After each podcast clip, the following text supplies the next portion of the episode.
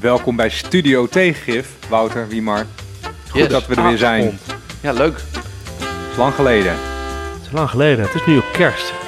We zitten nu bij de kerstboom. We kijken tegen de kerstboom aan. We zijn helemaal een hoge Een immense kerstboom staat hier. immense Geweldig. kerstboom. Kan ik nou zo'n mooi verhaal over vertellen? Ik eh, heb het ik denk ik net. Zo, je klapt er meteen in. Nou, Nou, ik zat dus te door. dat wij dus afgelopen maandag dachten, mijn vriendin en ik, we gaan een kerstboom kopen. Want eh, nou, Sinterklaas is voorbij, maar vooral, er komt een lockdown aan en alle winkels gaan dicht. We moeten snel een kerstboom hebben. Ze zijn op zoek eh, gegaan in de buurt naar een kerstboomstalletje. Eh, de eerste had alle kerstbomen uitverkocht, dus weinig stress. We denken net als de wc-rollen die erop zijn, straks zijn ook de kerstbomen op. Maar het was er nog een, eh, een zaakje waar ze dus nog een kerstboom hadden. Hebben we 55 euro betaald voor die grote boom. En op het moment dat we hier binnenkwamen en die boom hier stond, kwam dus allerlei berichten op de app dat dus de Praxis en de Gamma gratis kerstbomen aan het weggeven waren, omdat nou ja, de lockdown aankwam. Nou ja, dat was een beetje slecht verhaal. Maar we gaan genieten dus van deze 55 euro. nou, goed verhaal. Lekker kort. hey, ik heb er vandaag ontzettend veel zin in, eh, lieve luisteraars, waar we het over gaan hebben. Het Wopke-effect, waarom personen belangrijker zijn dan inhoud. Lekker prikkelend, eh, Wouter. Ik heb er nu al zin in. Zeker, aflevering 64 trouwens, Randy. Aflevering 64. Het wordt allemaal goed beluisterd. Ik wil onze luisteraars vanaf deze plek van harte bedanken voor hun trouwe luisterarij. Precies, en dat het jullie gaat om de inhoud, niet om de personen. Echt vaak terug toch, de feedback, dat het zo inhoudelijk zijn. Ja, Ja, maar wij gaan, eh, wij gaan blijkbaar nu het tegenovergestelde Ja, precies. Dus, nooit het gaat gelul slecht zijn, voor de, slecht zijn voor de luistercijfers. hey, maar laten we eerst even de traditionele gekte beetpakken. Het kind als enkelband. Daar wilde jij het even over hebben, Wiemar. Ja, daar wil ik het zeker over hebben. Zoals jullie allemaal weten is er een eh, lockdown eh, aangekondigd. Geen intelligente lockdown, geen domme lockdown, maar een complete lockdown, zoals het nu genoemd wordt. Ehm, waarbij dus één van de onderdelen is dat dus de scholen gesloten worden, de kinderopvang gesloten worden. Want de bedoeling is dat eh, kinderen thuis blijven. Niet zozeer omdat het personeel van die instelling het allemaal niet aan kan of zelf wel muziek is. Maar, dat vertelde dus minister Hugo de Jonge, de coronaminister, dat het ook de bedoeling is dat ouders thuis blijven werken. En dat doen ze op het moment dat de kinderen thuis zijn. Dus de kinderen worden thuis gehouden omdat dan ook de ouders thuis moeten zijn.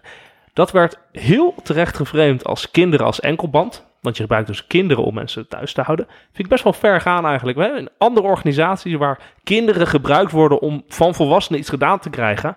Dat zijn toch niet altijd fijne organisaties, Nou, ik normaal vind het- gesproken. dus ik vond het eigenlijk best wel ver gaan. Ik vond de grappen ook wel leuk, hè, van het gezin als hoeksteen van de samenleving is normaal het CDA. Nu werd er gezegd, het kind is de enkelband van de samenleving. Het gezin als de ketting van de samenleving. Dat soort dingen. Ja, ik hou er wel van. Dus ik wil vind er het even zo- over leeglopen.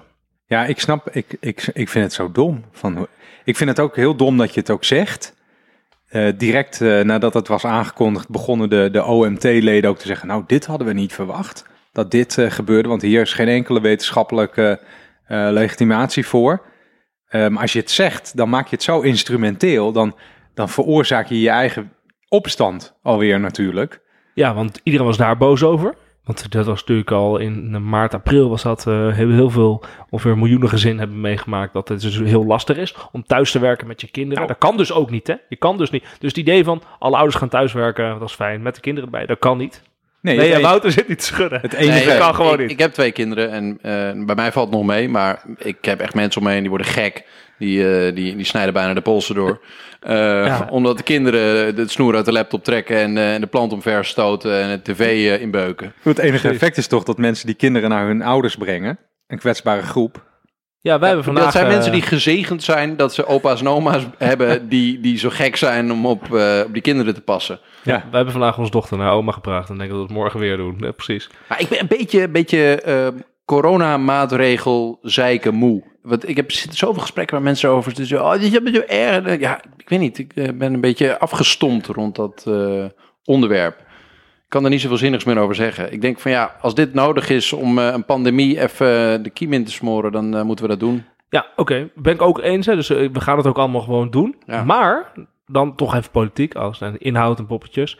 Hoe komt het dat het dus nu zo is? Dat de regering, die al een half jaar zegt... wij luisteren naar de adviezen van het OMT...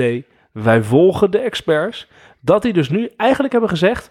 wij gaan als politiek verder dan, dan het OMT adviseert. Dat vind ik interessant. Hoe Ja. komt dat nu, op dit moment? Want dan kan je dus allerlei... eh, Denk je dat verkiezingen meespelen? Dat, in, eh, Nou, dat, dat- je even in januari de bonus wil Nou, claimen? je kan dus twee dingen denken. Maar ik wil dus natuurlijk geen, wil natuurlijk geen suggesties doen, hè, want er is niks bewezen of zo. Maar het zou een optie kunnen zijn dat, ja, eh, eerst natuurlijk het idee van we moeten met de, familie kerst vieren, want dat is heel belangrijk, dat is heel fijn. Maar dat dan het idee is, als we kerst door laten gaan, dan moeten we een zwaardere lockdown gaan invoeren, net voor de verkiezingen. En dat wil je natuurlijk niet, want dat is vervelend als je dan stemmen moet, eh, wil halen. En op het moment dat je nu even een zwaardere lockdown doet dan dat het OMT eigenlijk wilt, dan weet je in ieder geval zeker dat als je klaar bent, eind januari, dat je dan geen lockdown hoeft te- doen tot de verkiezingen. Dus dan komt het dan allemaal goed. Dan kan je zeg maar, de samenleving en de economie een beetje vrijmaken richting de verkiezingen. Ik zou, ik wil geen suggestieve dingen zeggen, maar dat zou een redenering kunnen zijn. die zit kaart te lachen. Ik, ik, ik, ik, eh, ik dacht heel lang dat ik het niet kon volgen wat je ging zeggen, want je nam zo'n aanloop. Maar uiteindelijk, ja, dat zou kunnen. Ja, E- Eerst die kerstbomen en nu dit. Ja. ja dit is even, Mimar die moet even inkomen nog, want we hebben ze al zo lang niet gepodcast, jongens. hey, maar laten we lekker naar het WOP-effect gaan. Ik eh, moet erkennen, Wiemar, hoewel ik het niet helemaal ermee eens ben, dat jij inderdaad misschien onze weddenschap hebt gewonnen. Want voor de luisteraar, we hebben al een hele poos geleden een weddenschap afgesloten.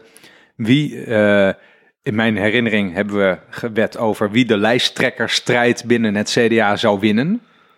Toen heb ik Hugo de Jonge gezegd. Ik heb dat ook Nee, voorspeld. dat, Ja. Dit is niet waar, want ik heb, eh, jullie hebben gezegd dat ik jullie een fles wijn moest geven op het moment dat Hoekstra zich niet aanmeldde voor de lijsttrekkerstrijd. Want jullie zeiden, nu wordt eh, Wop Hoekstra geen lijsttrekker meer van, de, van CDA. Dus het ging niet over de vraag wie wint de lijsttrekkerstrijd. Nee, maar het ging ik- over de ik- vraag wie Het is wordt al de goed. lijsttrekker. Het is al goed. Hier staat een fles wijn op tafel. Die is voor jou. Het is Twee. goedko- Twee, ik heb twee flessen eh, rode wijn van mij Ja, die en van andere- jou. We hebben zeg maar goedkope, die heb jij meegenomen. Die zijn we nu aan het opdrinken. En de duurdere, die heb ik eh, in de stash gestopt voor kerst. Nou, ik vind dat ook. Die was van mij, ja. Ik vind het ook een goedkope overwinning. En daarom is het ook een goedkope fles wijn. Mooi bruggetje naar het onderwerp. Ja, Wopke Hoekstra. Maar ehm, wat, is, wat is een interessante vraag is... Je ziet meteen, eh, de eerste peilingen zijn al gedaan... het Wopke Hoekstra effect. Eh, hè, bij het CDA hebben ze eh, niet voor niks natuurlijk Hugo de Jonge gekild. Daar staat, daar staat, daar, daar, ik ben daar helemaal door gefascineerd trouwens, hoe dat gaat. Want? Hoe bij het? CDA. Nou, dat is, heeft toch het imago van een nette partij. Rustige partij, gezagsgetrouw. Maar daar is een potje aan de stoelpoten gezaagd Ja. daar. En de hele bestekla is leeggetrokken. En in de rug van Hugo de Jonge. Ja, er staan echt Gestoken. 300 messen in de rug van eh, Hugo de Jonge. Ja, en toen hij, eenmaal, normaal. toen hij eenmaal was bezweken aan de, de, de, de 300ste steekwond. Toen zeiden ze, oh wat goed dat hij in het landsbelang dat nu, dit nu doet. Dus dat is echt een ongelofelijke slangenkuil geweest. Maar waarom hebben ze dit nou gedaan? De zeteltjes. Maar, Zij denken dat ze met Hugo, eh, met Hugo minder zetels gaan halen dan Hugo met zelf die keuze gemaakt. Hè? Ik bedoel, Ja. Het is wel na heel veel eh, gedoe en vallen en verraad. Dat soort dingen. Maar hij heeft zelf de keuze gemaakt. Ik moet dit niet doen. En dat vind ik ook wel heel erg bewonderenswaardig, toch? Dat ik denk van ja, hij heeft toch gezegd. Hij, is, ik bedoel, hij, hij wil natuurlijk de baas van het CDA worden. Dat is hij geworden. En dan zegt toch, dit ga ik niet redden. Dit is niet goed voor mij, niet goed voor het CDA. Iemand anders moet het doen. Dat, dat is toch wel een stap hoor. Dat zijn niet veel mensen die Nee, doen. maar hij zei, er met, hij zei er gewoon bij. Ik heb dit ook. Ik heb hier geen tijd om te dealen met de letterlijke quote. De deining binnen de partij. Ja. en als iemand zegt zegt heel deining, dan bedoelt hij. Ik ben nog net niet met de dood bedreigd om hè, hiermee op te houden nu. Ehm, dus het is niet dat hij helemaal vrij heeft nagedacht van. Nee, nee, is het nou een 100%. goed idee? Dat klopt, dat klopt. Maar daar gaan we het niet over hebben. We gaan het over het Wopke-effect hebben. Eh, en blijkbaar. Wat is het Wopke-effect? Nou ja, het Wopke-effect is dan. Vertel de een- peiling. Wat, is- wat, is, wat zit er in de Ja, peiling? het- de- wie heeft die peiling voor Ik zijn neus? Er is een peiling gedaan door eh, de club van Peter Kanner, INO. Die is te gast geweest. Research, hier te gast Vriend van de geweest. podcast. Vriend van de podcast. En die eh pelt, eh, die heeft een peiling gedraaid van afgelopen vrijdag 11 december tot en met maandag 14 december. Dus op die vrijdag de 11e werd bekend dat eh, Wopke de lijsttrekker zou gaan worden. Had Pieter Om zich ook gezegd dat het een goed idee was. En in dat weekend zijn er 1257 mensen zijn hun ideeën, gedachten en gevoelens afgenomen. En daaruit blijkt dat de VVD nu op 43 zetels stond. Maar dat dus het CDA aan het stijgen was van 13 in de vorige peiling naar meteen 19. Dus 6 erbij. En als je kijkt naar de potentie, wordt dat, werd dat in dat eerste weekend geschat op 23. Zou dus betekenen dat als dat echt gaat lukken, dat het CDA er meteen uh, nou, van 13 naar 23 10 zetels bij Ja. gaat krijgen, alleen door Wopke. Dus Maar- in één klap 50% erbij. Zo moet je het zien. Ja. Ja. Een poppetje maakt dus uit. Echt heel veel. En waar komen die allemaal vandaan? Die mensen? Waar eh, zaten die tot Wopke? Sorry? Bij, bij de oh, vorige welke peiling. partij? Waar, ja, waar, waar- waar gaat het naar beneden, bedoel ik? Ja, er woont eentje in Limburg en dan komt het ja. Nee, ja, bij welke partijen? Waar, waar wilden ze eerder op stemmen? Ja. Ze wilden eerder stemmen op, eh, even kijken, Forum heeft er een aantal verloren. Eh begrijpelijk. GroenLinks eentje verloren. De rest heb ik even niet zo scherp hier. Ik weet niet zo goed waar het allemaal vandaan komt. VVD had er ook eentje verloren. Eh, dus een beetje uit, het, uit alles. Oké. Eh, het midden en toch een beetje de, de PVV Forum voor Democratiehoek. Ik denk met omzicht ook. En ja, wat dus heel duidelijk is, is dat dus van de bewindspersonen op dit moment, is dus Rutte is de meest populaire als premier. Die krijgt een 7,1. Hoekstra, dat is dus interessant, krijgt een 7,0. En daarmee zijn Rutte en Hoekstra echt ver boven de andere winstpersonen in populariteit. En omzicht, dus nu opnieuw de running mate, maar dan niet meer van Hugo de Jonge, maar van Hoekstra, die heeft eh, de beste beoordeling als parlementariër, een 7,2. Dus dat tandem van eh Wop Hoekstra en Pieter Omzicht is dus eh, ja, enorm Ja, populair die, die, blijkbaar. die messenstekers waren niet gek. Ehm, ik be- ik bedoel, de, de, de, de, de druk binnen het CDA op Hugo de Jonge, die messenstekers een beetje overdreven term voor mij. Ehm, maar er zit wat in. Er zit een bepaalde electoraal gevoel in dat, dat dit Wopke-effect eh, bestaat. En dat, dat blijkt wel redelijk uit, uit deze peilingen. Ehm, en, en het bewijst ook onze stelling die we al vaker hebben geponeerd. Dat je als minister van Financiën vooral goed moet blijven ademen om populair te zijn. Eh, en dat doet hij heel goed, want kan iemand mij een briljante actie van Bob Hoekstra als minister van Financiën noemen? Aandelen KLM kopen. Er zijn niet veel waar meer nu. Ja, Nee. een hele slechte belegger. Nee, ik denk st- sterker nog dat hij, dat hij bekend staat als niet zo'n hele goede minister van Financiën ook. Eh, maar toch, mensen slaan hem blijkbaar eh, hoog aan. En het, het, maakt, het maakt blijkbaar uit. Ja, en, en dat brengt ons bij, volgens mij, bij de vraag van waarom maken die poppetjes dan zoveel uit? Want het, het CDA-verkiezingsprogramma, we hebben onze vorige afleveringen gewijd aan het doornemen van, van een aantal verkiezingsprogramma. En, en eh, we hebben ons de taak opgelegd om die, die ellenlange programma's door te akkeren. Dat is niet veranderd. Ehm, alleen het poppetje dat aan het hoofd staat van, van, die, krop, eh, van die club, die, die is eh, gewisseld. En waarom blijven dan die personen zoveel belangrijker dan de inhoud niet weer wijzigen? Waarom is het, wat, wat, zit, wat zit er volgens jullie voor reden achter? Nou, ik, weet je, ehm, ik zie het op, ja, als eenmaal een thema gaat leven, dan zie je het ook overal, hè? zo gaat dat. Maar ik zie het dus overal. Ik zie het ook ehm, in die toeslagenaffaire. Vandaag is dat rapport uitgekomen. Eh, ongekend onrecht is geloof ik eh, de titel. Ja. Ehm, en daar zie je ook dat personen dus gewoon ontzettend uitmaken. Want wat, wat een beetje de hoofdlijn is van dat rapport is van er zijn dingen gedaan met mensen. Die waren eh, deels in strijd met de wet. Eh, en deels verplichtte de wet eh, helemaal niet om mensen zo hard aan te pakken. Dus het maakt blijkbaar in ontzettende mate uit wat, wat een bewindspersoon die daar zit eh, op dat moment kiest te doen. Dus het poppetje maakt uit, is een voorbeeld daarvan. Hè? En de wet zou je dan kunnen zeggen, dat is de inhoud. Maar wie daar dan zit en hoe zo'n persoon omgaat met zo'n situatie maakt dus uit. En ook twee Kamerleden, ik had er wel even wat cij- cijfertjes over opgezocht. Eh, de twee Kamerleden, Omtzigt, hij werd al genoemd. En Renske Leijten, die, eh, die hebben dit eh, balletje aan het rollen gebracht. En dat zijn ook toevallig, niet toevallig, twee Kamerleden die al meer dan tien jaar in de Kamer zitten. En dat is dus een, een, ehm, een zeldzaamheidje, dacht ik trouwens. Ik heb het ook even opgezocht. Er zitten nu actueel, maar zijn helemaal aan het einde van een periode, hè, eh, 26 Kamerleden in de Kamer die meer dan tien jaar in de Kamer zitten. En dat is vaak nipt meer dan, vier, meer dan tien jaar. Ehm, maar je ziet ook, ik heb, ik heb er net wat over getwitterd toevallig, niet toevallig, Het is allemaal, het is allemaal net niet toevallig.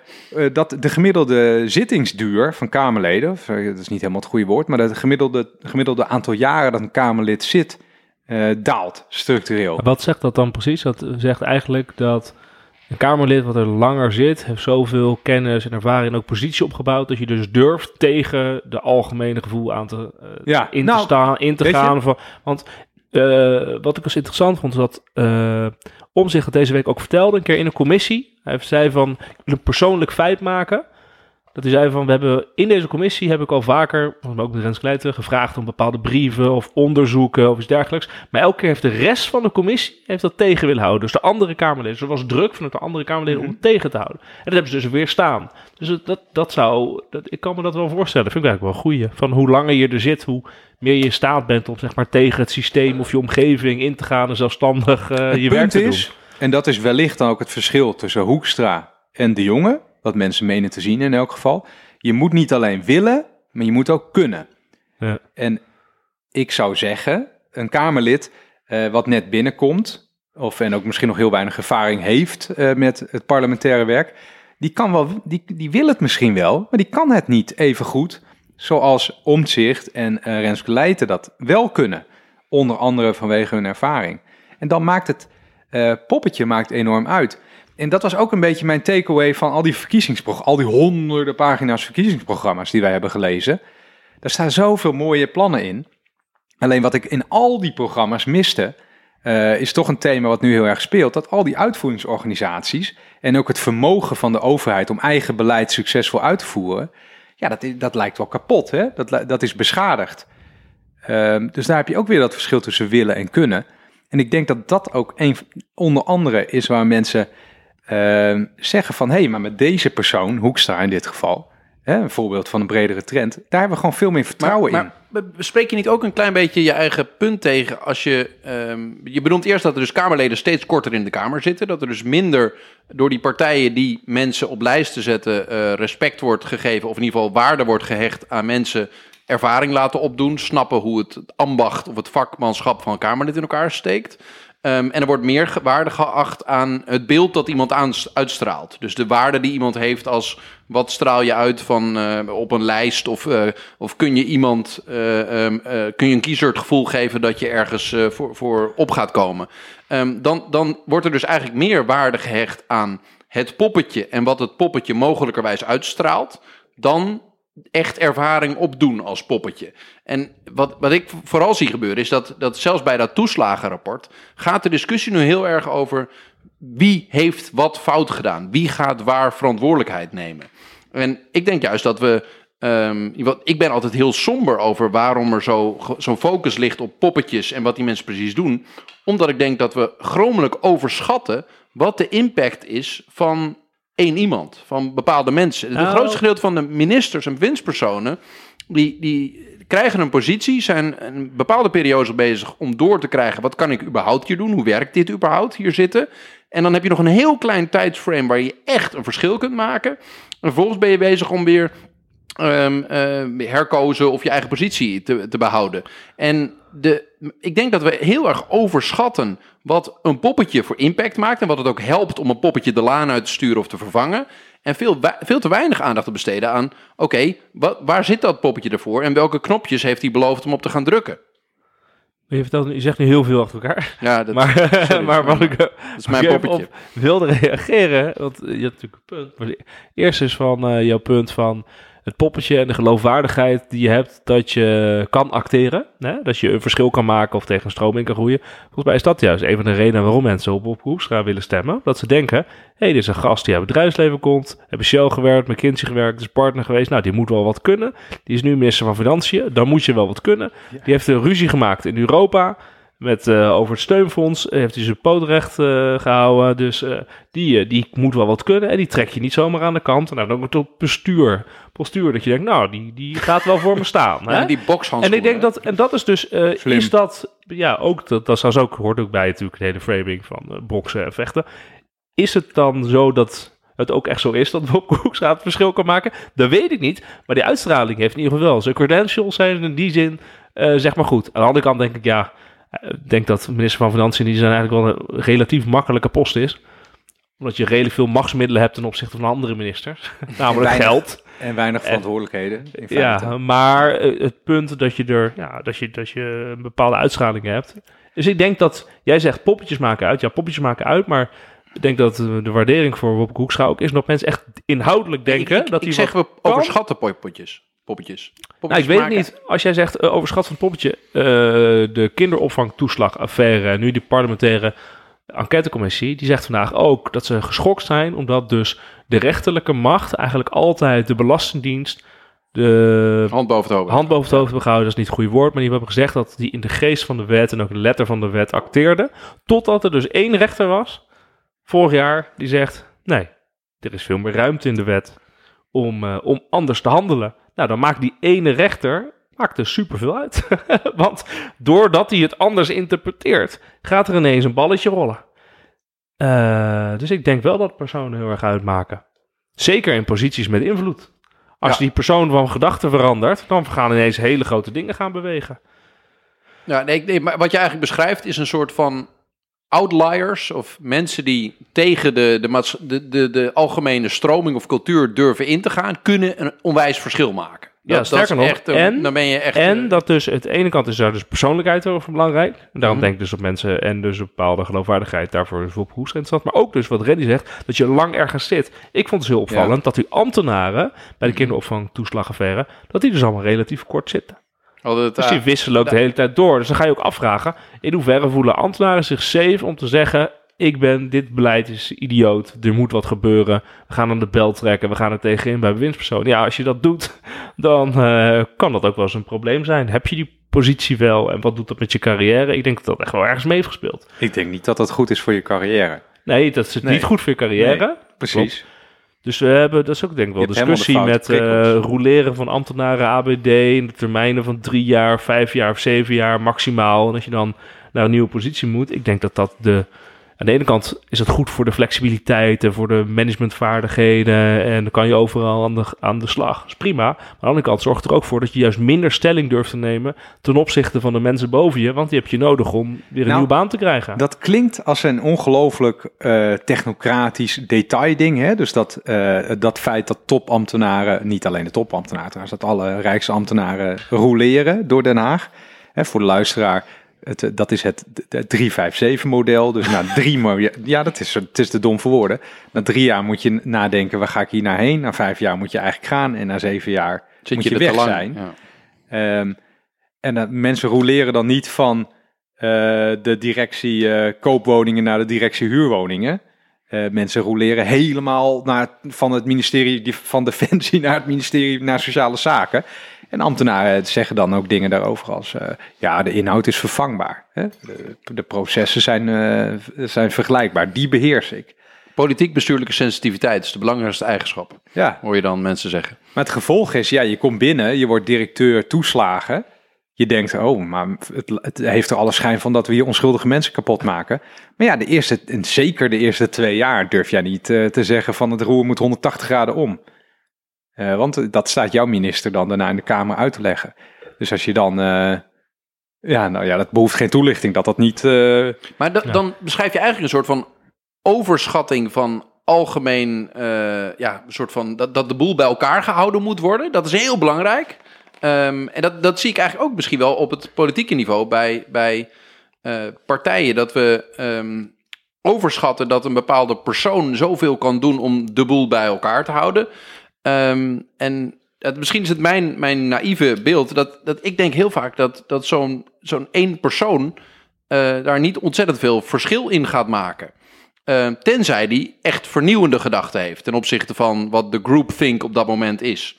En als de groupthink ehm, eh, eh, verandering voorstaat, dan, dan gaat het er vooral om dat die persoon in dienst staat van die verandering. Ehm, en ik, ik kan er soms met mijn hoofd niet bij hoe het in, in de Nederland. Ik, ik denk ook wel eens dat, ehm, dat we zo'n overschatting hebben van wat één persoon aan verschil kan maken, omdat het een soort van gemakkelijkheid is. Het is makkelijk om te denken dat Wopke Hoekstra het heel anders gaat doen dan, eh, dan, eh, dan Hugo de Jonge. Ehm, maar diep van binnen weten we allemaal ook wel van ja, zoveel echt verschil in verandering in beleid gaat het ook weer niet maken. Ja, maar je kan ook dan juist zeggen, want ik ben het met je eens. Ik denk dat, eh, dat je wel kan, kan ook zeggen van... hebben inderdaad een overschatting van eh, het verschil wat iemand kan maken. Maar ik kan ook zeggen, als het verschil wat een persoon kan maken maar klein is... dan wil ik wel de persoon hebben die dat doet. Als de marges zo klein zijn die een politicus kan veranderen, Mhm. dan wil ik daar wel iemand hebben die alle ruimte pakt in die marges die er mogelijk is. Eh, maar tegelijkertijd is het natuurlijk wel zo dat je kan het framen, je kan een uitstraling maken dat je inderdaad heel goed bent in, eh, in verschil maken, in dingen aanpakken, in sterk zijn, wat natuurlijk Bob Hoekstra ook doet. Hè, dus dat, dat is natuurlijk waar, Eh, dat ben ik helemaal met je eens. Maar ik, ik ben dus niet, ik denk dus wel dat, dat inhoud ertoe doet. Dat vind ik wel, eh, voor, st- voor stemmers is dat denk ik, voor kiezers is dat uiteindelijk wel belangrijk. Nou ja, een beetje. alleen maar framing. Misschien hebben mensen ook wel ehm, door, en dat is zo in mijn ogen, dat eh, vroeger waren, hadden partijen hadden een pijloze diepte. Hè? Je had een wetenschappelijk bureau waar, waar weet ik veel wat allemaal gebeurde en een, een groot partijkantoor en er zaten allerlei inhoudelijke commissies Mensen na te denken. omheen na te denken van niveau. Eh, en nu is een partij, dat, dat zijn gewoon de mensen die je ziet. Daarachter, er zit nauwelijks wat. Ja. Eh, dus eh, als je inderdaad niet blij bent met Hugo, nou, dan zou ik hem maar wegdoen. Dan zou ik maar Wopke pakken. Want wat, wat die mensen in hun hoofd hebben, dat is ook wat het CDA doet eh, op dat moment.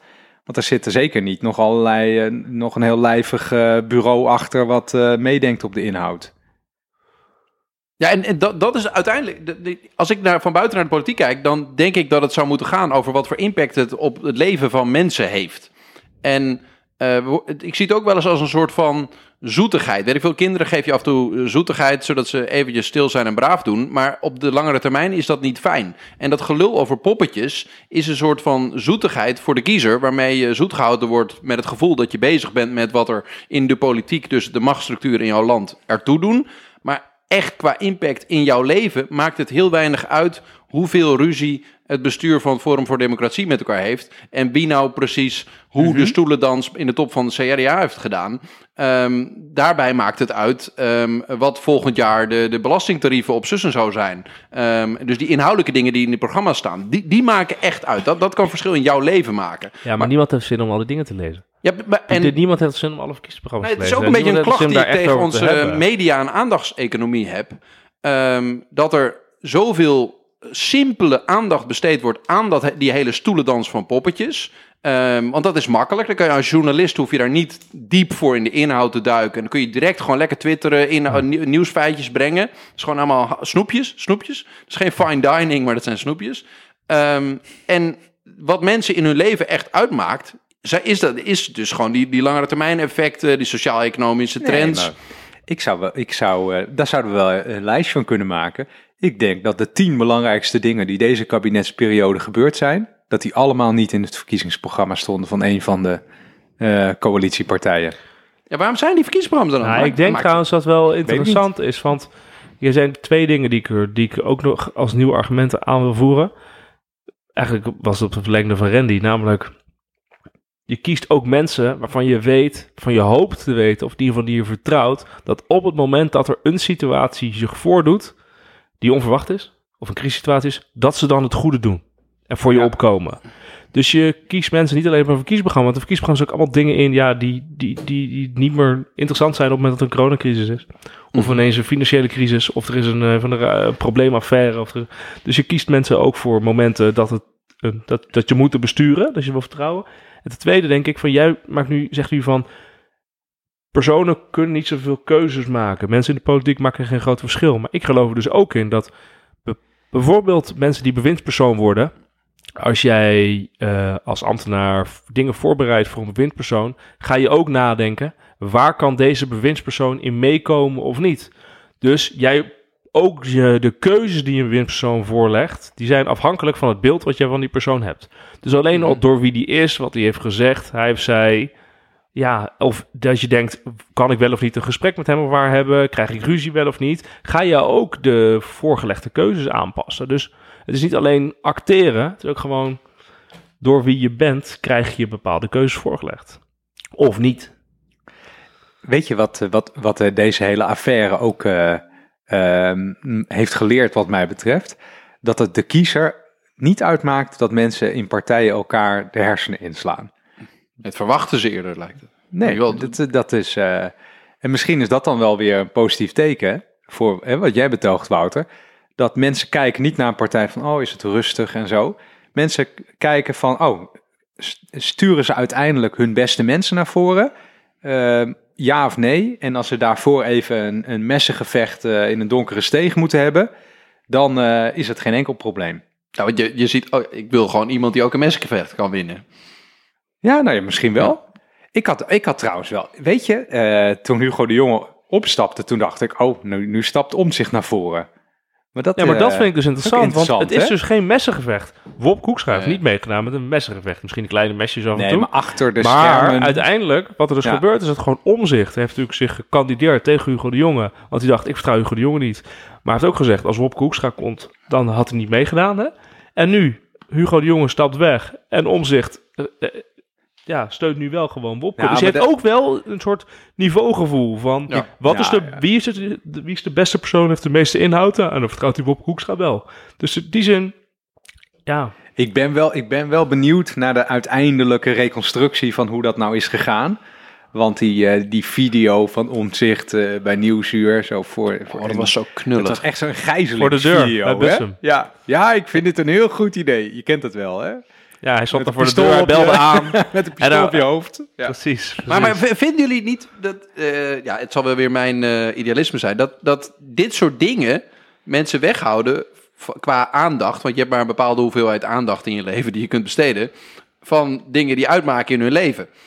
En als we het politiek de hele tijd blijven hebben over welk poppetje, lijsttrekker, hoe wordt en wie daar, wie welke controle over wie heeft gehad, dan hebben we het niet over, oké, wat verandert er volgend jaar in mijn leven als jij de Nee, baas bent? Maar jij doet toch zoveel dingen op basis van heel weinig informatie. Dan doet, maak je toch ook gewoon een keuze op. eh, eh, noem eens wat. Dit is de automonteur die ik vertrouw. Mhm. Dan breng je je auto er. Of je gaat naar de bakker. Ja, daar heb ik een keer een lekker broodje gegeten. hè. Of je doet de, vakantie. Ja, zeiden vrienden dat wel Maar leuk zeg je dan, het is prima. Het is Dus- gewoon, dit is the best we can do. Het is ook gewoon psychologisch. Het, dat is gewoon een manier waarop je beslissingen neemt. Ja, dat doe je heel vaak in je leven. En nu ineens ga je heel principieel lopen doen dat het over politiek gaat. Dan denk je van, als het over politiek is, moet je alle programma's lezen. Dan moet Nee, om de poppetjes gaan. Weet je, Ja, in jouw werk gaat het ook om de poppetjes. Jij hebt contact met mensen omdat je denkt, nou, ik vertrouw deze persoon. Heb een keer een goede vergadering, even, eens een keer wat goed gedaan, een vergadering of een goed gesprek mee gehad. Die komt wel goed uit zijn woorden, praat meteen snel. Dan denk je, ja, daar ga ik een gesprek mee voeren. En niet met die andere die met je loopt te hakkelen. Dus je doet zoveel keuzes, doe je op basis van paar signalen. Nou, kies je ook wel eh lijsttrekkers. Nou, en ik denk bij dit soort belangrijke dingen, wie wij als 17 miljoen mensen de boel laten leiden. ehm, nou, je, je maakt vergelijk met hoe ik zelf keuzes in mijn leven maak. Eh, Je combineert dat met data. Dus wat produceert iemand? Eh, is dat goed of niet? En wat belooft hij en in welke mate komt die persoon zijn beloftes na? En ik denk dat je best de stelling omhoog kan houden dat binnen het politieke domein we soms te lui zijn voor echte inhoud en eigenlijk uit aandachtsgemakzucht gaan voor laten we het dan maar voornamelijk hebben over een soort eh, X-factor eh, van ehm, eh, besluitvaardigheidstoneel. Nee, maar weet je, ik ben, ik ben hier echt fundamenteel anders over gaan denken. En ook opnieuw is die toeslagenaffaire een perfecte illustratie dat jarenlang kon je dit op de voet volgen. Je kon iedere Kamerbrief lezen, ieder, ieder setje Kamervragen, alle krantenartikelen. En je had geen idee wat hier echt aan de hand was. Eh, pas nadat eh, eh, de ombudsman, de nationale ombudsman, met dat rapport hierover kwam. Dat is 17, hè, toch al? Huh? Je hebt al echt op veel eerder een rapport geschreven. Ja, sorry. Ja, 2017 of zo. Ja. Ja, dus sindsdien eh, werd, werd het, eh, het sluier een beetje opgelicht. Maar tussen 2013 en 2017 in elk geval, dat is ook vier jaar hè, voor de duidelijkheid, eh, bleef de, de ware toestand verhuld.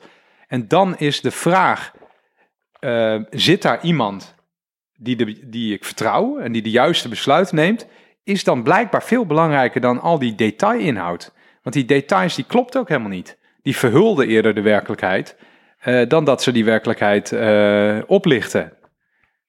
Dus misschien, misschien eh, de, de poppetjes versus inhoud frame is altijd heel, heel plat natuurlijk. Maar misschien moeten we eens beter gaan nadenken over wie we daar neerzetten. Want die mensen die zijn ontzettend eh, belangrijk blijkbaar.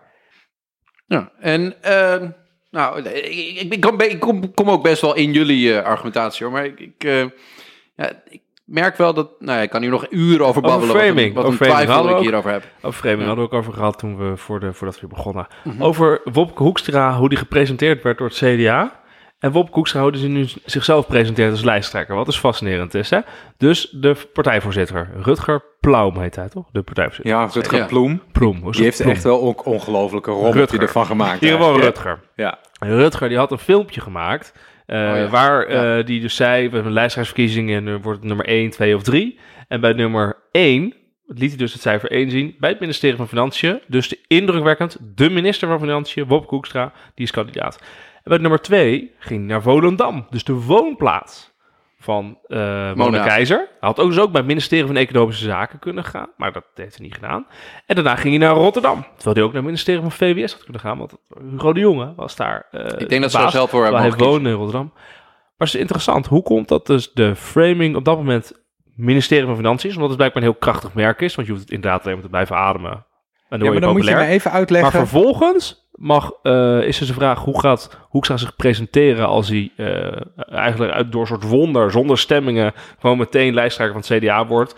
Dan moet Pieter Omzicht moet naar Bussum komen, daar waar hij woont. En dan moet hij gaan vertellen dat hij met Lieselot overlegd heeft. En dat hij zijn vrouw, dat hij, dat hij het ook goed vond. En dat er vier kinderen zijn. Ivonie en documentaire. dan, en, Oh dan, en dan ineens wordt het een familieman. Vind, ik- vind ik mooi dat dat verschil er Maar eh, leg mij duidelijk even. Dat uit voordat je verder gaat. Hoe sto- hoezo stond Rutger Ploem met een 1 bij het ministerie van Financiën? Want Hoekstra die deed toch helemaal niet mee aan die... Nee, dit was alleen maar de presentatie van dat er een lijsttrekkersstrijd zou komen. En hij verwachtte toen nog, blijkbaar, Ja. dat Wop Koeks gaan mee zou doen. Maar die belt dus later af. Ik ga het toch niet doen, want ik ben meer een bestuurder dan een carrière. Er was een filmpje waar hij op een paar plekken Ja. stond. Dat was heel herkenbaar. Nou, die, die, dit filmpje heb ik dan toevallig niet gezien. Maar ik, ik voel gewoon de plaatsvangende schaamte al zonder, zonder het gezien te hebben. Ja, er is heel veel discussie over het CDA heeft. Of Rutger dit goed gedaan heeft. Nou, blij, sowieso niet. Nou, sowieso niet. Want ja, eerst de lijsttrekkersverkiezing waarbij één van de mensen uit je filmpje niet meedoet. Dan wordt het 50-50, heel de partij maakt elkaar dood. Volgens degene die gewonnen heeft, die stapt op. En dan vervolgens moet je toch iemand anders maar gewoon benoemen. Weet je wat ik ook zou doen trouwens, nu, ehm, nu er toch de boel een beetje overhoop gehaald wordt? Ik zou Mona Keizer ook van de lijst flikkeren. Ja, Dat is toch een intrigante. Dat is ook iemand die brengt echt letterlijk 0,0 kwaliteit met zich mee. Die doet alleen mee aan dit soort lijsttrekkersverkiezingen, zodat ze weer een plekje op de lijst krijgt. Die zit vanuit het ministerie van Economische Zaken actief en openlijk het coronabeleid van haar partijgenoot Hugo Ja. de Jonge te ondermijnen.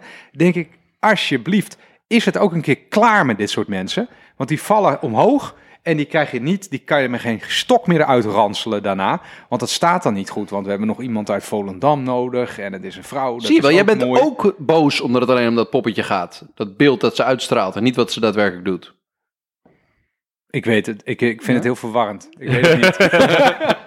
Je wij, maar wij zeggen, want bij jou, het, dat klopt. Oké? Dus, eh, Zijn ik verkeerde ik zeg, zeg het gaat toch? niet alleen over poppetjes, het gaat ook over inhoud. Maar ik heb wel een hele grote teringhekel aan poppetjes die alleen maar ergens zitten omdat ze een poppetje zijn. Ja, Daar kan ik heel slecht ja. tegen. Je bedoelt eigenlijk het poppetje dat daadwerkelijk echte inhoud representeert. Dat is het ideaal. Ja. Maar je hebt ook heel veel poppetjes die representeren gewoon helemaal niks. En dat is echt alleen maar marketing.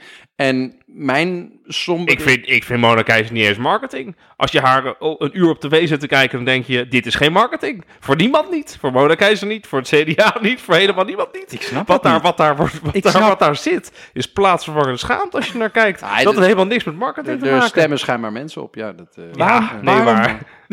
ja, nee, ik vind dat echt onbegrijpelijk. Ploem, als je luistert. Waarom zetten jullie Mona Keizer weer zo hoog? Nummer Serieus, 7, hè. Ze is wel van slaat dat 2 op? naar 7 gegaan. Nou ja, blijkbaar is ze populair in het CDA. Ik weet niet. Hey, en wa- wat ik, wat ik ook een interessante vraag vind rond dit. eh, want ja, ik, ik had jullie eerder al gezegd dat, dat ik nog wel wat, wat verder wil gaan en het eh, niet om poppetjes willen laten draaien. Maar eh, is de vraag: zijn ze bij de conservatievere partijen, eh, of de misschien rechtsere partijen zoals mensen noemen, beter in dit poppetjesspel dan aan de linkerkant van het spectrum? Nou, dat, dat weet ik wel. 100% ja. Waarom? ja. Maar wat is het poppetjespel voor jou? Nou, gewoon de, de juiste poppetjes selecteren die schijnbaar het juiste beeld uitstralen naar de mensen die je wil vangen om op je te stemmen.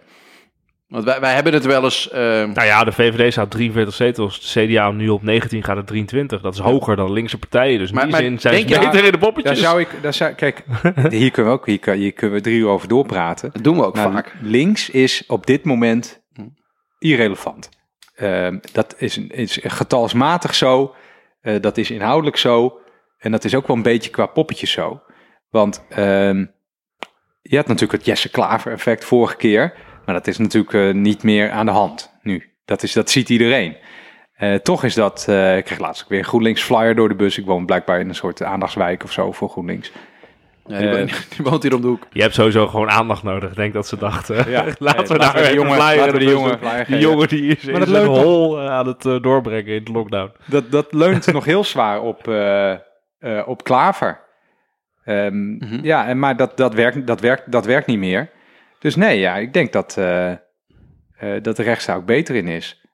Nou, ik heb wel eens de impressie dat bij de, de, de rechterkant van het spectrum, dus in ieder geval, laten we zeggen, rechts van D66, er serieuzer kiezersonderzoek gedaan wordt om erachter te komen wat is nou precies ehm, het beeld dat mensen hebben van iemand die het vertrouwen uitstraalt om hun waarden te kunnen eh, realiseren.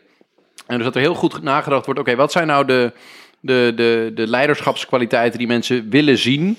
Eh, en, en ik denk dat echt veel, nou, dat is misschien een naïef veronderstelling, dat veel mensen niet echt dat, dat VVD-programma nou helemaal ondersteunen of denken, nou, dit, nou, als dat doen, dan komt het helemaal goed met het land. Nee, gewoon Mark Rutte, punt. That's it. Ja. Het is die Klopt. knakker, echt, al verkoopt hij me een Big Mac, ik koop het. Ehm, het is- ze willen gewoon die vent. Ja. Ehm, Maar ik denk dat het meer is. Hè? Want ik eh, we hadden het over Peter Kannen. Peter Kannen van INO Research. Niet alleen deze peiling heeft gedaan, maar ook eerder een onderzoek gedaan, een maandje terug, over hoe goed de VVD en CDA ervoor staan. Het gaat dus ook gewoon bij de VVD om inhoud. Wat ik dus fascinerend vond, die peiling, was eigenlijk de vraag van, kan de VVD nog de verkiezingen verliezen met Rutte als lijsttrekker? En daar komt er dus achter dat eigenlijk op elk mogelijk scenario wat er wat in zijn ogen kan ontvouwen de komende tijd, heeft de VVD goede papieren. Niet alleen omdat ze dus Rutte hebben, maar ook omdat ze wat ze noemen issue owner zijn op echt alle belangrijke dingen. Op wat is dat? economie. Dus zeg maar, als kiezers denken van, hey, een bepaald onderwerp is belangrijk bij de verkiezingsstrijd, of wie moet ik dan stemmen? VVD. Welke onderwerpen zijn het dan? Economie, overheidsfinanciën, werkgelegenheid, veiligheid, de coronacrisis en normen en waarden. Allemaal. En denk ik, ja, de VVD denkt daar ook over na. Die doen ook gewoon inderdaad onderzoek, zorgen dat ze daar issue owner blijven en doen ook heel actief met hele campagne en eh, zijn ze daarmee bezig. En dat is gewoon uitermate professioneel. Er zit onderzoek achter en er wordt over nagedacht. Ja, ik vind dat. Dus het is niet alleen poppetjes. Het is ook echt gewoon de organisatie van je partij en je, en je, je boodschappen. Ik, dat, dat, ja, dat, ik vind dat dat VVD en trouwens ook CDA, dat die dat wel nou, lijken dat professioneel te Kunnen, doen. kunnen linkse partijen dat ook doen, of in ieder geval progressievere partijen? Want ik heb ook een soort vermoeden dat aan de progressieve kant van het spectrum dit vies wordt gevonden. ja, ja. Dat, zeker. dat ehm, waar, waar de VVD dus als, als... We hebben wel eens een aflevering gemaakt over het succes van de VVD als, als marketingmachine. Dus dat ze heel goed weten wat zijn de issues die onze kiezers bezighouden. En wat zijn de woorden die ze daarop eh, triggeren. Wat, wat zijn de, de, de termen en de, de, de acties die we even moeten doen om mensen het gevoel te geven van... hey, vind je dat issue belangrijk in je leven? Dan moet je ons hebben. Ehm, dat linkse partijen of progressieve partijen meer zitten op van... ja, dat is, dat is marketing, dat is een spelletje, dat is een verkoopverhaal. Het gaat erom dat we dicht bij onze e- eigenlijke waarden blijven. En dat we eh, het echte verhaal van wat in ons verkiezingsprogramma staat. En wat we, eh, hoe we het land beter willen maken. gewoon vaak genoeg moeten vertellen. Want op een gegeven moment gaan mensen het wel begrijpen. Nou, ik, ik, ik twijfel echt als je het zegt. Want ehm linkse partijen zijn met hun eh, kandidaten voor de Tweede Kamerlijsten, die nu net helemaal gepubliceerd zijn, wel duidelijk bezig met ehm, wat voor mensen stemmen op ons en kunnen we dat matchen met bepaalde kandidaten. Dus het is heel belangrijk dat dat plaatje goed is voor linkse partijen. Dus dat is, dat is in feite niet inhoudelijk. Ehm, maar ook op die inhoud ehm, staat links niet zo heel sterk voor mijn gevoel. Want wat Wiemar net zegt bij de, bij de VVD, de VVD opereert echt op eenzame hoogte. Niet alleen in de peilingen, maar ook als, als partijorganisatie, voor mijn gevoel. Wordt veel meer van dat soort onderzoek gedaan. Van wat leeft er? En niet alleen wat leeft er, maar ook hoe moeten we dat verwoorden? eh, zodat mensen begrijpen wat we bedoelen. Ik zie dat op links gewoon niet zo. En ik Dat- vind dat absoluut niet vies. Als jij mensen wil vertegenwoordigen, dan moet je weten wat die mensen willen. Want je wil ze vertegenwoordigen. Dus dat is gewoon uitermate professioneel dat je dat doet. Ik vind, dat, ik vind het heel, ja, ik vind het slechte zaak om het vies te noemen. Want dan zeg je eigenlijk van, wij vinden ideologisch van alles. We hebben een eigen programma gemaakt. En wat de mensen vinden, nou ja, ik hoop dat ze na een tijdje naar ons gaan luisteren. Dat is eigenlijk wat je dan zegt. Dat lijkt me, ja, dan ben je niet bezig met vertegenwoordigen. Nee, maar je moet ook misschien... Er zit wel een grens aan, hè? Dus het is niet dat je, je kan natuurlijk niet als linkse partij allemaal rechts dingen gaan roepen op het moment dat de meerderheid van Nederland dat wil. Wat ik, wat ik, die kans En je moet ook groot. geloofwaardig zijn op Hè, dus er is een balans tussen wat vind je ideologisch qua waarde en wat willen mensen. Maar dat je daar een match probeert te maken en dat je daar serieus onderzoek naar doet als professionele organisatie. Eh, ja, dat lijkt me alleen maar heel goed. Nou, waar ik me altijd voor verbaas, dat als je eh, Sociaal Cul- Cultureel Planbureau, SCP-onderzoeken leest, dan is de gemiddelde Nederlander is bezorgd over een, eh, de opwarming van onze aarde, de klimaattransitie. Daar zijn ze, is men bezorgd over. Men is bezorgd over sociale ongelijkheid die groeit. Men is bezorgd over migratie. Eh, men is bezorgd over veiligheid. Dat is ongeveer de. de, de- en, en mensen eigenlijk niet. De gemiddelde Nederlander is niet heel xenofoob. Ehm, en de gemiddelde je die op een rij zet van waar je ongeveer zou stemmen, dan zitten ze ehm, een stuk meer naar de, de sociaal-economisch linkerkant van het spectrum dan waar nu de grootste hoeveelheid zetels zitten. En dat brengt mij bij de conclusie dat de partijen rechts van dat punt beter zijn om hun verhaal eh, in een jasje te gieten. En dat jasje bestaat uit poppetjes die het vertellen. En dat Ja. bestaat uit de, de manier waarop je boodschappen de wereld in weet te schieten. Ja. En dus die rechtspartijen zijn gewoon betere apparaten. Ehm, en dan kan je als links lekker eh, gelijk blijven hebben of, eh, of, of uiteindelijk willen doen wat ge- mensen gemiddeld gezien wel, eh, wel willen. Maar mensen vertrouwen jou gewoon niet mee om dat te gaan doen. Ze, Maar ze denken gewoon dat je dus die het kan. ook echt komt, om, ik ben het je eens, omdat de VVD en, en misschien ook de CDA veel gewoner vinden om strategieën uit het bedrijfsleven over te nemen. En ook marketingonderzoek Ja. te doen. Want ja, in het bedrijfsleven, als je dat niet doet eh, en je weet niet wat de kopers willen en welk verhaal aanslaat, dan ga je gewoon failliet. En ja, zij zien in die zin van, ook een politieke partij moet je in die zin bijna runnen als een bedrijf. Eh, want dat is professioneel. Ja. Ja, ik, ik, ik, ik zie dit ook. Ik zie dit echt als in termen van kwaliteit. Ik denk dat. Je eh, bent een Ja, man. pro- ja, maar professioneel noemen vind ik ook kwaliteit. Ja. Ja. Dus even, ja. Ja, ik, ik denk dat links op dit moment zo ontzettend veel kan leren van rechts. Ehm, en niet echt die bereidheid eh, heeft. Misschien moet ik ook gewoon een keer st- een, een Waar ligt stage lopen bij de VVD. Nee, we- serieus? VVD, als jullie dit horen. Randy Martens wil graag eh, stage lopen. Het lijkt me echt hilarisch. ik, ga dit, eh, ik ga dit regelen. Ja. Nee, maar je moet leren. Je moet eh, met name van je tegenstanders moet je leren. Want eh, je, moet, je zult beter dan hen eh, moeten worden. Ja, ik, links is heel erg met zichzelf bezig. Ja, Kijk, in, de, voor mij is het in die zin ook heel simpel. Want uiteindelijk moet je macht hebben. Dus zetels hebben. Als je je doelen, idealen wil bereiken. Ja. En andersom zeggen van, ja, ik, wij vinden bepaalde idealen heel belangrijk. En eh, dat is de startpunt. En we doen eigenlijk, en de macht moet dan, dan maar onze kant op komen. Ja, sorry, dat werkt het gewoon niet. Dat is dus niet professioneel. Het gaat niet vanzelf. Hetzelfde als nu, wat ik eigenlijk wel interessant vond bij al die verkiezingsprogramma's die we hebben gelezen. Dat overal staat, in elk programma, de coronacrisis bewijst wat wij als partij eigenlijk al Altijd al tientallen gelijk jaren hadden. vinden. Ja. Denk ja, dat, vind, dat zegt dus elke partij. Eh, gaat maar dus niemand dus- denken van, oh, dan moet ik dus nu op Nee, hun dus dat is stemmen. niet onderscheidend. Het gaat dus over de vraag: eh, wat moet ik doen om mensen eh, om het te laten stemmen? Ja, dat- En, en daar heb je gewoon mensen voor nodig die, die, weet ik veel, die het merk Coca-Cola kunnen verkopen, die, die dezelfde handel in een fles Ja, doen als, die je een euro duurder leest, is. als je het boek leest over Mark Rutte Mhm. van Peter de Koning en je leest het boek, staat ook allemaal reconstructies in over hoe hij aan de macht is gekomen. En hij in de jaren voordat hij dus premier werd, Mhm. Heeft dus eerst zijn best gedaan om zelf een eigen programma te bedenken. Te bedenken waar hij zelf voor stond en te kijken of hij daar kiezers voor kon krijgen. Dat sloeg niet aan. En het is uiteindelijk bij de VVD pas echt gelukt om groot te worden, omdat ze dus professioneel dat ingeregeld hebben. Sterker nog, Vertel. de eh Boudewijn Revers, die lang wethouder is geweest hier in Den Haag, een jaar of acht. Ik weet niet of ik het nu te kort doe.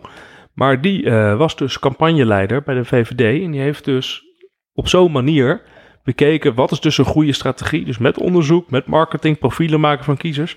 Waarmee we stemmen kunnen halen. Dat is heel professioneel geweest. En daardoor, mede daardoor, Ja. heeft Rutte dat gewonnen toen. Ja. Dat is onderdeel. Eens. De, Obama-campagne, waar iedereen altijd heel blij over is gewoon praat. data gedreven. Dat is allemaal data gedreven. Ja, omdat je weet wat, wat kiezers willen. Ja, weet je wat ik wel eens denk dat bij, bij veel progressieve partijen het geval is? Dat die, dat die eigenlijk vastzitten in hun eigen partijorganisatie. Dat, we hebben het al eens eerder over gehad dat je eigenlijk drie groepen hebt. Je hebt de mensen die de dienst uitmaken in zo'n partij. Je hebt leden in een partij, dat is een wat grotere groep. Je hebt ook heel veel leden die doen niks. En je hebt potentiële kiezers. En die ene, de, de, de, de eerste groep van, van partijkader die is vrij klein. Die tweede groep is, is laten we zeggen 10%. En de 90% stemt soms op een partij of, of kan er misschien op stemmen. Maar de dienst wordt uitgemaakt door die eerste groep, dat, dat partijkader. En die zitten bij veel van die linkse partijen al jaren bij zo'n partij. Dus die deden, doen het zoals ze het tien jaar geleden, twintig jaar geleden ook al doen. En ik zie daar veel minder bereidheid om de methodieken die nu belangrijk zijn om mensen te bereiken. Methodieken gebaseerd op, op, op structureel kiezersonderzoek, op uh, onderzoek naar welke boodschap aanslaat. Gewoon echt data-analyses uh, uh, maken op welke boodschap aanslaan. In plaats van wij, dat kleine partijkader, hebben bedacht dat Piet het goed kan vertegenwoordigen. En ze willen vast graag horen over bonbons, want die vinden wij ook zo lekker. Nee, je moet onderzoeken wat ze nodig hebben en wat ze dus willen. Uh, en dan nadenken over wat je gaat vertellen. En ik denk dus dat die linkspartijen veel meer padafhankelijkheid hebben door de mensen die er de dienst uitmaken, die dat al jaren doen. Wat denken jullie daarvan? Nou, dat zou dat. dat uh... Ja, jij bent een beetje een partij. Nou, ik ben het sowieso met je eens dat een partijkader en een, uh, de leden van een partij. dat dat gezamenlijk geen afspiegeling is van de mensen die op nee. je moeten stemmen. Dus op het moment dat dat de basis is het maken van je lijst, je verkiezingsprogramma, noem dat maar op. Als dat de basis is, dat betekent dat je niet genoeg, dat je niet veel stemmen gaat halen. En dat is dus het interessante bij de VVD. Dat, kijk, op het moment dat de, het partijkader van de VVD, op het moment dat je die had gevraagd, hoe moet het verkiezingsprogramma van de VVD eruit zien? Of hoe moet het, als je had de leden gevraagd, dan was het denk ik een knijterrechts programma geweest met alleen maar lastenverlichting voor de meest vermogenden. En de hypotheekrenteaftrek was verdubbeld. Ja, en, en dan, blijf, de, dan blijf je 20 zetelpartij. De VPB, de winstbelasting was afgeschaft. En iedereen die een eigen BV had, hoefde nooit meer wat te betalen.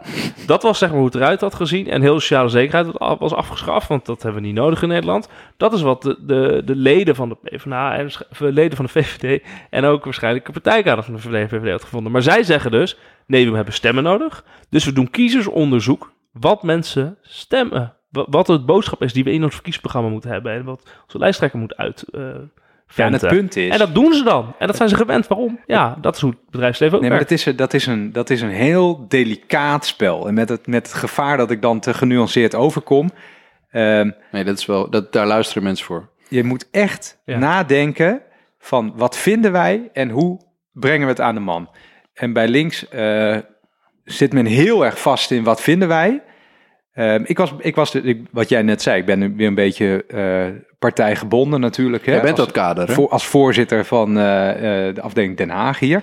Dus ik was bij een of andere presentatie en er was dus wel kies, natuurlijk er wordt heus wel kiezersonderzoek gedaan. En uit dat kiezersonderzoek kwam naar voren dat de kiezer het in ongelofelijke mate eens is met de standpunten van de Partij van de Arbeid mits je er niet bij vertelt van welke partij dat is. Ze haten het merk. En dat werd, nou ja, dat werd heel positief ontvangen. Van hey, yes, hè, we doen het toe en zo. Toen dacht, maar toen zei ik ook van nee, uh, dit is juist, dit duidt op een heel fundamenteel probleem. Dat mensen zijn het inhoudelijk, hoeven ze niet eens overtuigd te worden. Ze willen jou niet. Uh, er is blijkbaar iets mis met jou, jouw organisatie en jouw mensen. Uh, waardoor ze jou niet blieven, ondanks dat ze die dingen willen. Ja, als, je, als je heel, heel, als je in bedrijfstermen blijft denken, of marketingtermen, is gewoon jouw merk op een of andere manier is dat, uh, gaat dat niet goed. Niet sterk genoeg. niet sterk genoeg. Nou, ja, dus het is net alsof je, even, waar praten we in, in wijn? Je hebt super lekkere wijn. Iedereen zou die wijn willen drinken, maar je ziet op een of andere manier... Een vieze bruine fles Ja, je ziet dus een, vieze, een fles zitten erin, waar mensen denken, fles, nou, dat willen we niet. Ja, die handel is roze, kom op. ja. Nou ja, maar weet je... Um, bij heel veel dingen wordt gezegd, ja, maar dat weten mensen toch niet. En als voorbeeld, waar heb ik het dan over? Ik was laatst uh, op een voorcongres van de, de Partij van de Arbeid dus. Het is een inside story is dit. Lekker. Ja, dat is echt heel erg, heel erg inside. Um, en daar zijn dan uh, maar iets van 30 mensen.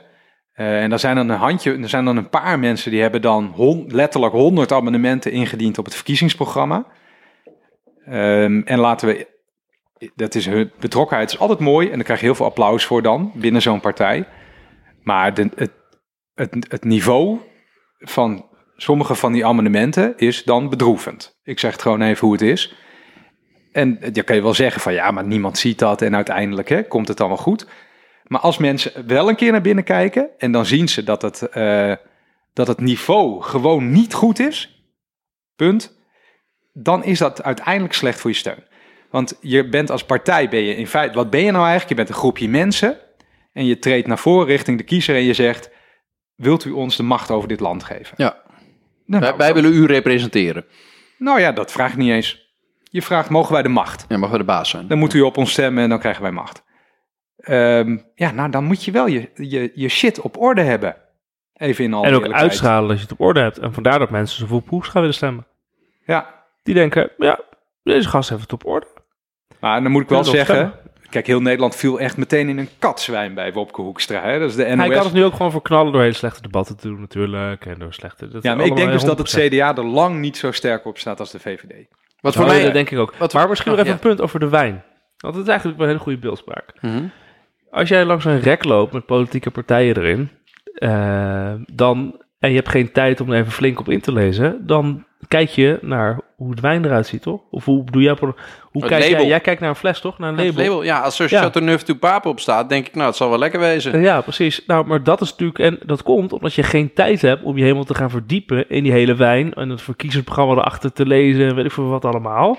Dus je denkt, nou, op basis van de marketing, want dat is uiteindelijk het enige wat ze kunnen doen, dat labeltje eromheen, kies je een, een partij. Kom ik toch bij mijn droompunt, waar ik dan naartoe wou als ehm, eh, IT-enthousiasteling in deze wereld, techno-optimist.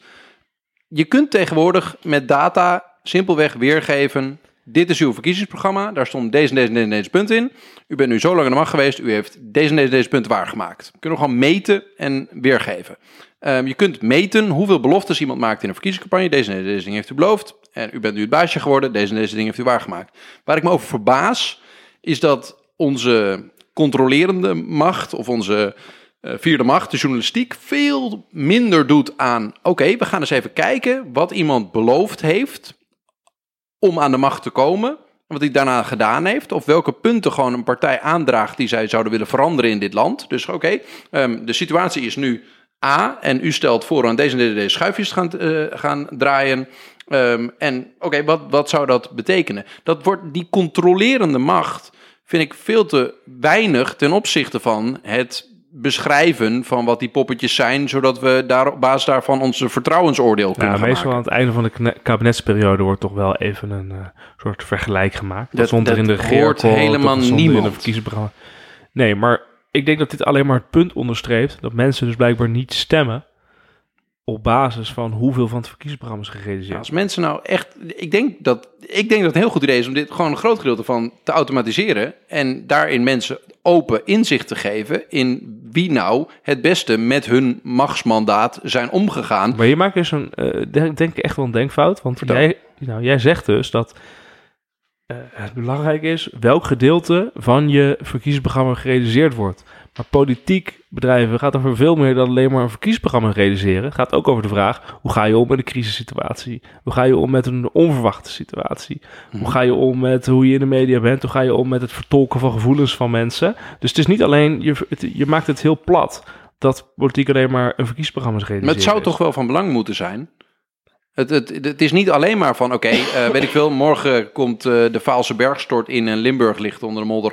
Wat ga je Het dan doet doen? het toe, het doet het toe, maar het is niet alleen dat. Ehm, eh, dus maar het, het, een groot gedeelte is, oké, ik ben eh, Piet uit Etteleur en wat gaat u in mijn leven veranderen volgens uw verkiezingsprogramma? Nee, en maar in welke mate kan ik dat vertrouwen? ik, ik vraag me af hoeveel mensen echt naar verkiezingsprogramma's kijken. Ja, geen hond, en dat is heel erg. Nee, Nee, nee, dat ik denk mensen hebben een hele goede reden om daarnaar te kijken. Want eh, het niet- belangrijkste wat deze kabinetsperiode is gebeurd, is, is zonder twijfel de coronacrisis. Ehm, en dus dingen die daarvoor belangrijk zijn, die stonden echt niet goed in die programma's. Dus is het testbeleid op orde? Moet je GGD's, moet je die wel decentraal organiseren of moet je die eigenlijk centraal aansturen? Met voor Eh, meer of minder IC-bedden. Vaccinproducenten, moet je die misschien in eigen land hebben? Of eh, is het prima dat we dat allemaal eh, uit Amerika en China kopen? Dat, was allemaal, dat waren allemaal geen politieke thema's. Die stonden echt, echt niet in de verkiezingsprogramma's van de coalitiepartijen. En toch blijken dat nu de belangrijkste thema's te zijn. En dan, dan ben je dus blijkbaar... Blijkbaar maakt het toch niet uit wat er in het programma staat. Want de werkelijkheid trekt zich daar ook niks van aan. Nee, mensen rekenen ook die mensen die aan de, de, aan de knoppen zaten niet af op of dat toen goed geregeld was of niet. Nou ja, de, Boeit weet, niet. jij, weet jij wie, welk bewindspersoon en welke partij verantwoordelijk zijn voor de decentrale organisatie van de GGD? Nee, ik niet hoor. Nee, nee. Ik denk- maar ik denk dat het inzichtelijk zou kunnen zijn. Dat is dus meer mijn, mijn punt. Dat, on- dat wij zo'n groot vertrouwen hebben. En dan kom ik weer bij die stelling die ik heel vaak eh, poneer. Dat het, het grootste gedeelte is gewoon chaos, toeval en incompetentie. En we, we vertrouwen graag op poppetjes. En, en het idee dat iemand als hij aan de knoppen zit briljant is en grote dingen gaat doen. Maar we overschatten daarmee dat die mensen vaak gewoon maar wat aanklooien. En gewoon ook maar gewoon doen wat ze denken dat op dat moment juist is. Ehm, en dat, dat we als je dingen in een maatschappij wil veranderen, je veel meer moet kijken naar, oké, wat zijn nou de, daadwerkelijk de beloftes? Hoe veranderen die? En hoe heeft dat impact op het grotere systeem van waar die poppetjes in functioneren?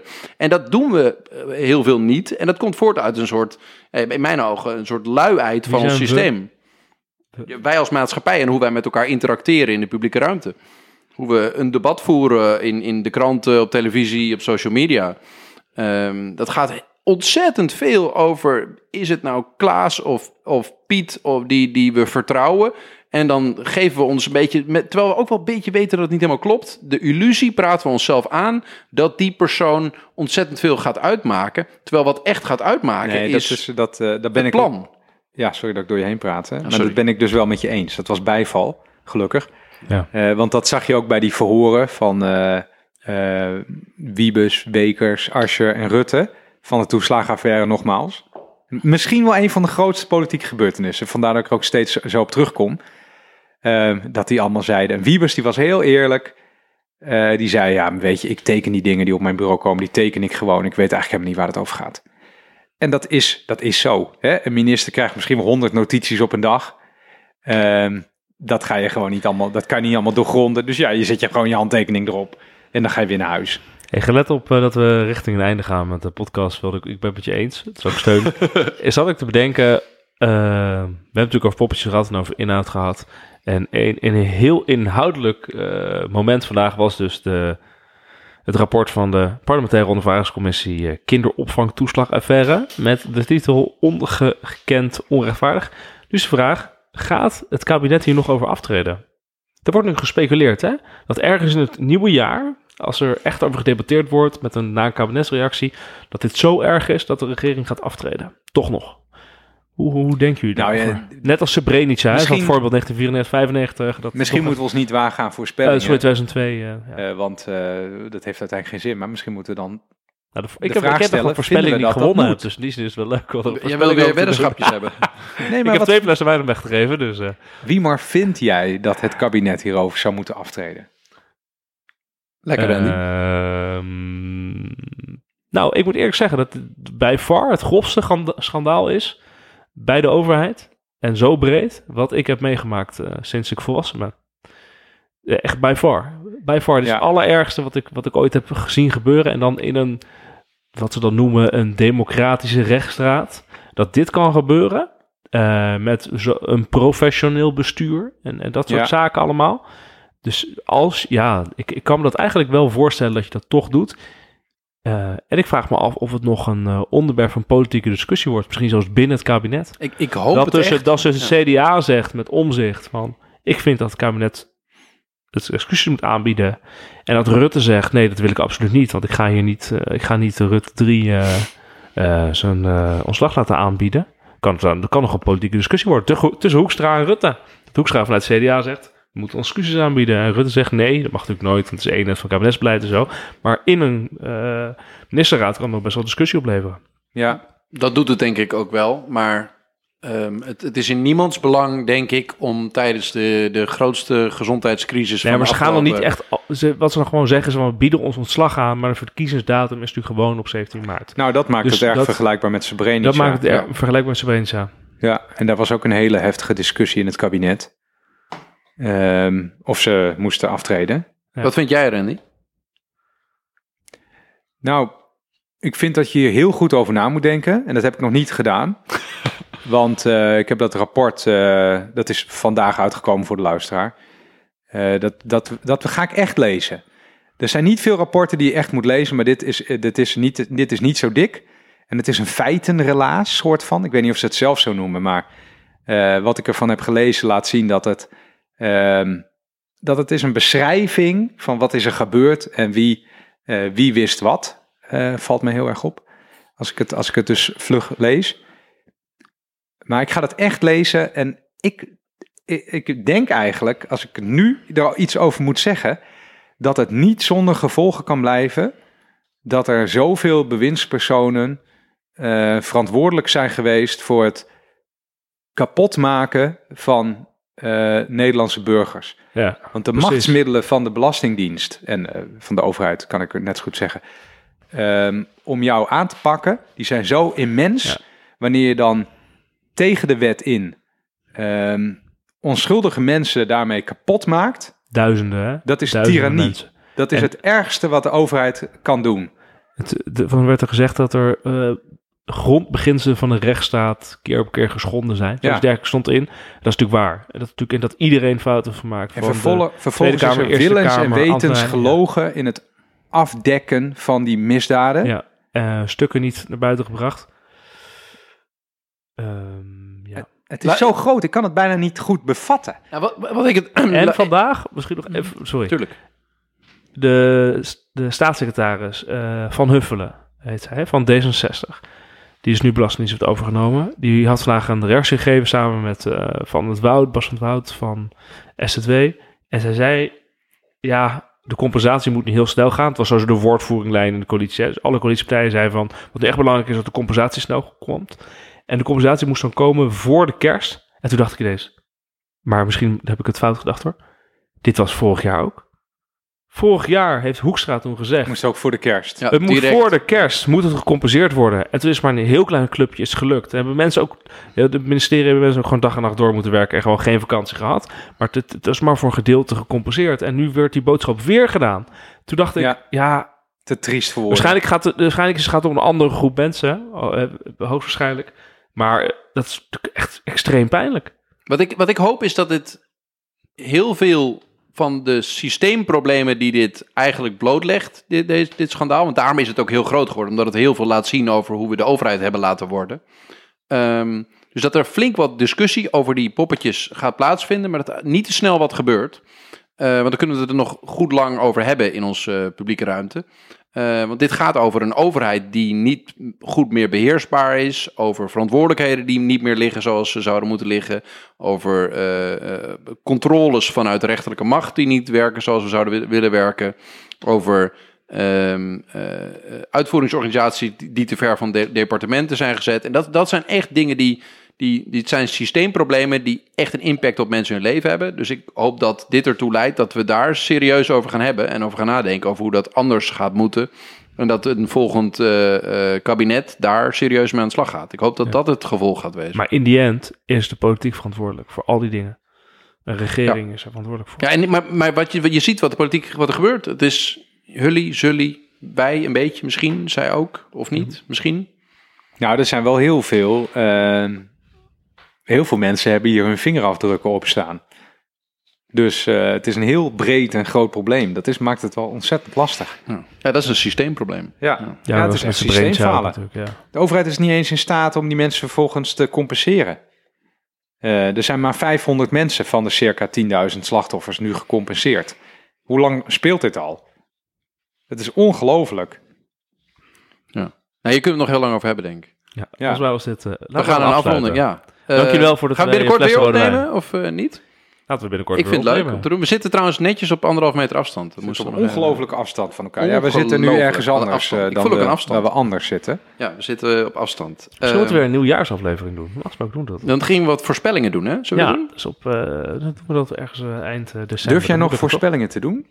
Ik, heb, twee flessen rode wijn. Dat heb ik al heel vaak gehaald. Ik heb laatst onze vorig jaar aflevering eh, eh, kort, kort teruggeluisterd, omdat ik iets wilde checken. En toen hebben we het over de Two Towers gehad, weet je nog? Over eh, de, de Dit jaar Duindorp weer- Scheveningen Two Towers. Dit jaar weer geen Two Towers in, in het mooie Den Haag. Maar nu door de corona-discussie. Ik denk wel dat ik durf wel een voorspelling te doen. Het gaat helemaal uit de hand lopen hier met oud en nieuw. Dus ik ben weg. Ga je heen naar het noorden. Dat zeg ik niet. Heel, alle luisteraars komen achter je aan om je op te zoeken en karbiet eh, naar je toe te schieten. Nou, inbrekers weten in ieder geval genoeg. Huizenwelling, oud en nieuw. Oké, dank voor het luisteren.